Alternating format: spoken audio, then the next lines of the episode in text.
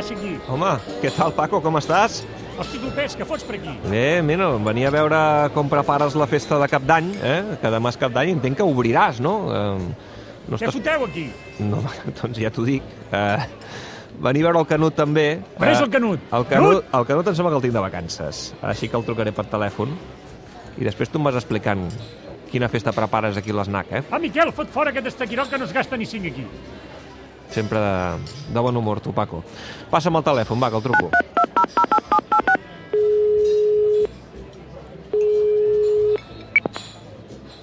Hola, Canut.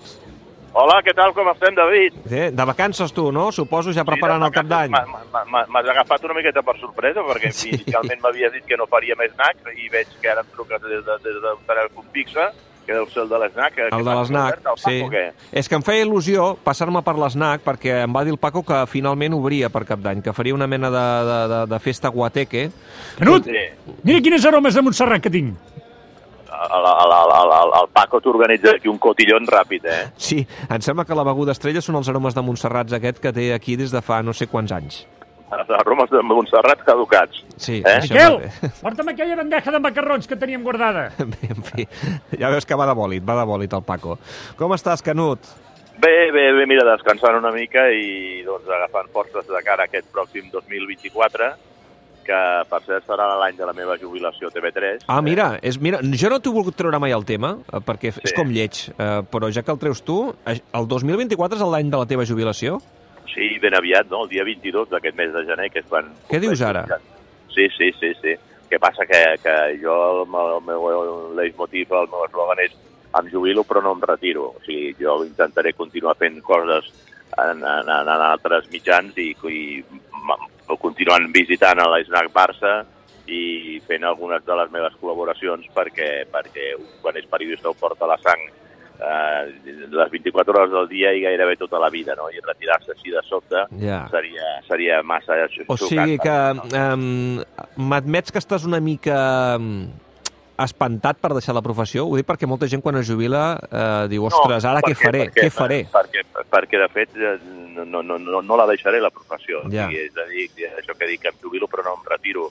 El que sí vull ser és amo del, meu propi temps, no? O sigui, jo el que decideixi què és el que vull fer, el que no vull fer, el que em va bé, el que no em va bé, eh, no, no sacrificar tant de temps per la feina, sinó dedicar-lo més a les coses que m'agraden, a la família, coses que no has pogut fer durant tots aquests més de 40 anys de professió, i, i posar-ho en pràctica. Això vol, dir, això vol dir, Lluís, que no hi haurà vaques sagrades, que no hi haurà quan s'apaguen els llums, eh? Això ho deixarem de veure. Exacte, això, exacte, però, però, però, però amb, amb altres produccions externes sí que tinc previst intervenir-hi, doncs, però que no, que no m'ocupin tot el temps com perquè em pugui hipotecar doncs, el que és el, el més preuat en, en aquests moments de la vida, que és el temps. No? Vaja, que confirmes que allò de, um, que els periodistes esportius ens ve molt de vocació, en el teu cas és, és claríssim, eh?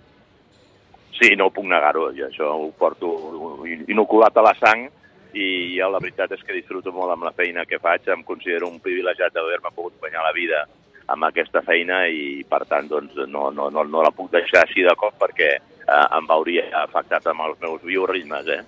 Ja. I, i en tots aquests anys, dius 40 anys de professió, més de 40 anys de professió, que és una autèntica animalada, um, clar, la professió ha evolucionat moltíssim. Um, com la vas agafar i com la deixes? Ha canviat moltíssim en aquests 40 anys? Molt, molt, sobretot perquè, clar, les noves tecnologies han afectat molt, no? Pensa que jo sóc d'una generació que he vist els companys de, de la premsa escrita redactar i cantar per telèfon allò amb gairebé lletra per lletra i vocal per vocal i consonant per consonant els seus articles, eh, que tu anaves, a, no hi havia telèfons mòbils, amb la qual cosa això dificultava molt la feina de, de, de l'enviat especial de les ràdios. Recordo molt especialment doncs, els, els primers Jocs Olímpics que vaig cobrir, que van ser els del 84 a Los Angeles, on havies d'anar buscant cabines de l'Ocean Bell, Ocean Pacific Bell, que era la companyia que hi havia principal allà a Califòrnia per poder enviar les cròniques als butlletins de Catalunya Ràdio, als programes esportius, etc etc. Era un, un periodisme molt més rudimentari on t'havies de buscar més la vida i això accentuava més, diguem la curiositat del, del, del periodista. Ara jo crec que amb tot això de les xarxes i de, i de, de, de la comunicació digital facilita massa la informació com perquè a vegades es perdi aquest instint Mm. d'anar a buscar la, la notícia, sinó que s'espera que vingui donada. Tu has fet ràdio, has fet tele i has escrit. eh, Has tocat tots els pals del paller. Amb quin mitjà tu has passat millor?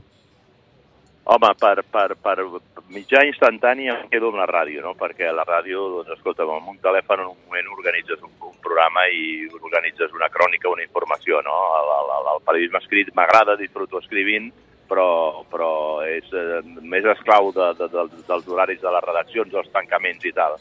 I la tele és més laboriós perquè no, és, eh, no es tracta únicament de, de la feina d'un, sinó que intervenen la feina d'altres eh, companys, dels realitzadors, del càmera, és més eh, feina de- de- de- d'equip. M'agrada molt el directe en la tele, això sí. Jo he disfrutat molt amb entrevistes en directe, quan, quan comença el programa i s'encén el pilot vermell de que estem ja a l'aire, doncs jo aquell, aquella hora o aquelles dues hores o hora i mitja que pot durar el programa et puja l'adrenalina, no?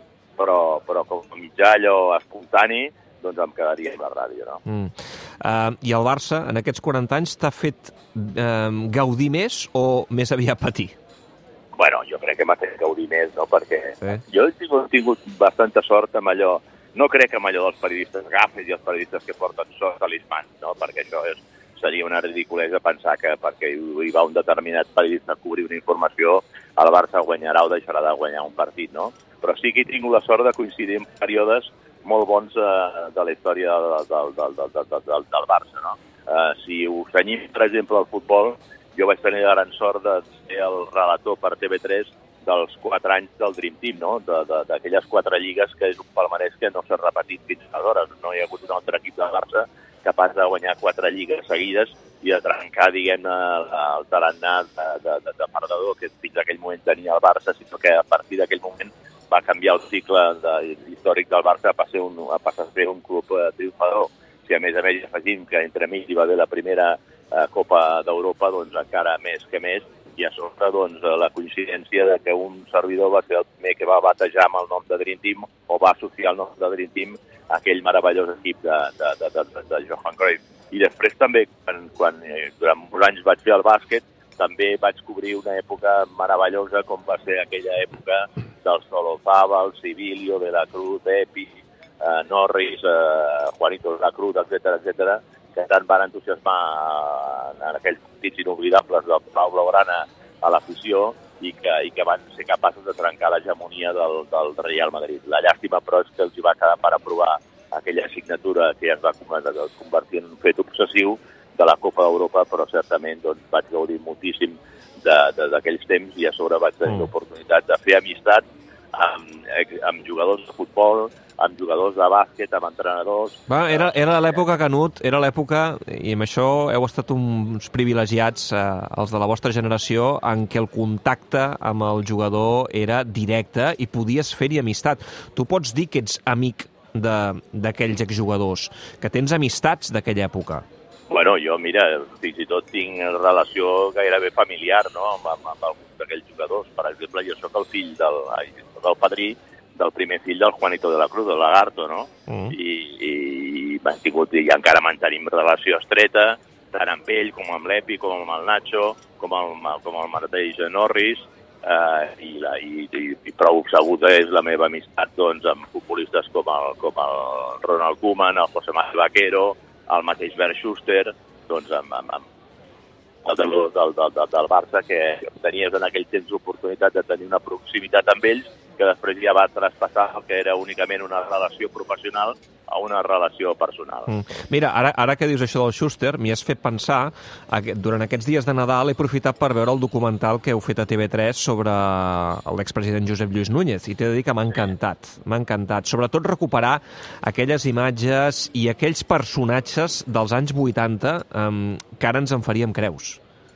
Uh, aquella manera Sí. de dirigir els clubs, aquella manera de, de portar Era- era- i, i també de comunicar-ho per part de la premsa, perquè, um, uh, per exemple, em va frapar um, la cobertura mediàtica que es va fer del segrest de Quini i aquelles Sí. imatges d'ell entrant um, a comissaria després de ser alliberat i amb tots Sí. els fotògrafs al damunt, quan segurament el més normal hauria estat que hagués estat Bueno, tractat jo- per psicòlegs, jo- no?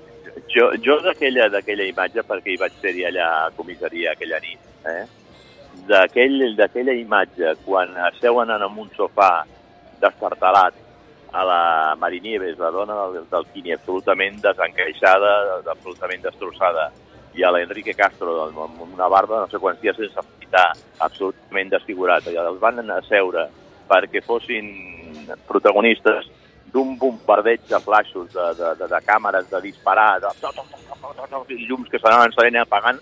Jo en aquell moment he de dir que vaig sentir una certa vergonya de la nostra professió, no? De, de, de dir, escolta, crec que no, no cal, no és necessari tot, tot, tot això perquè aquesta gent en aquests moments viuen un patiment barrejat amb, amb una alegria, però un sentiment, diguem-ne, de, de, de, molt potent de tot el que han hagut de patir, de tot el que han hagut de passar durant aquest eh, mes llarg de, de segrestament, que ara els haguem de sotmetre a aquest tercer grau dels mitjans de comunicació disparant allò com si fóssim, com si fóssim allò uns voltors, no?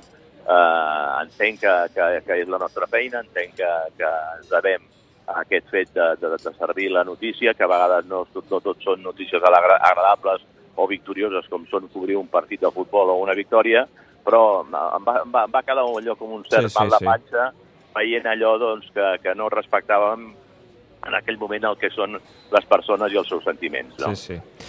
Bé, en fi, um, mirem cap endavant, aquest de 2023 és a punt d'acabar-se i el 2024 començarà ja aquest dilluns. Uh, ja en parlarem tranquil·lament quan uh, uh, torni a començar la, la temporada amb aquesta jornada entre setmana, amb el partit del Barça al camp de les Palmes, però només et vull fer una pregunta, només una. Lluís, en aquest mes de gener, Xavi Hernández se la juga, ho dic perquè tindrem uh, la Copa ja sabem com va això, eh? en joc. Um, cada setmana tindrem Copa i si el Barça doncs, va passant tindrà encaminat un títol i després la Supercopa, on es podria trobar el Madrid a, a la final. Uh, Xavi se la juga en aquest, dos, en aquest mes de gener? No, jo no crec que se la jugui perquè, perquè diguem-ne, hi ha una competició uh, de lluny en l'horitzó que és la, la Champions, on l'equip està viu i està en possibilitats de classificar-se pels quarts de, de, de final després de, de, de l'emparellament que, que, que ha tingut eh, doncs, amb, el, amb el Nàpols, doncs el Barça pot accedir als quarts de final. A partir d'aquí, la competició ja entra en una fase de molt cara i creu perquè eh, no és el mateix una competició de llarga durada com, com, com pot ser la Lliga, que, que el dia a dia puntua, sinó que és una competició de, de flaixos, no? Sí. Que, que se, si se t'encén la llum en un moment determinat a favor teu, doncs et pot permetre accedir sense ser superior al rival a una ronda següent i, i en canvi la Lliga, si no ets millor que els rivals, no, no, no, no, no, no l'acabes guanyant. De fet, per això el Barça és un equip que sempre que ha guanyat la Champions ha estat necessitat de fer-ho a través d'una bona línia de regularitat, de bon futbol, de sentir-se a si mateix, perquè sempre ha vingut combinat a la Copa d'Europa amb, amb, amb una Lliga. Sempre el Barça ha fet doblets en aquestes temporades, no? Clar que és veritat que futbolísticament no passa pel seu millor moment l'equip de Xavi Hernández. Veurem com evoluciona a partir del canvi, diguem-ne, de, de, de tractament o d'ecosistema, de, o de, o de per dir-ho d'alguna manera, en la convivència del vestidor a partir de que Xavi mm. doncs, ja ha llançat l'amenaça de que qui no estigui per, per la feina, qui no estigui per, pels predicaments que són eh, irrenunciables en aquest Barça, com és sobretot la, la, la, a l'hora d'anar a pressionar, a l'hora d'anar a recuperar la pilota després de la pèrdua, deixar-s'ho tot en el, en el camp, doncs no tindrà cabuda en aquest nou Barça que ens espera a partir, del, a partir d'aquestes festes de, de, de Nadal, d'aquest parèntesi. Mm. Per tant, jo crec que amb el Xavi té encara marge suficient com perquè encara que, que des no, no, no guanyés la Supercopa i, i, i home, no crec que, que a les primeres de canvi quedi eliminat a la Copa del Rei, però bueno, si, si, si fins i tot no, no, no, no, no tingués un, una bona entrada a la Copa o quedés més despenjat a la Lliga, mentre hi hagi la, la, la vida, l'esperança de poder-se agafar aquest clau roent que mm. seria la continuïtat a la Champions, difícilment jo crec que, que es prendria la decisió de, de, de destituir a Xavi Hernández. Al final el que volen els culers és que les coses rutllin, que Xavi estigui a la banqueta del Barça molts anys, com passarà amb Ancelotti, que ahir vam saber que renova pel Madrid dues temporades més, fins al 2026. Lluís, que vagi molt bé. Bona entrada d'any eh, i temps en tindrem eh, per parlar d'aquest Barça que comença a caminar el 2024. Abraçada ben forta, Lluís.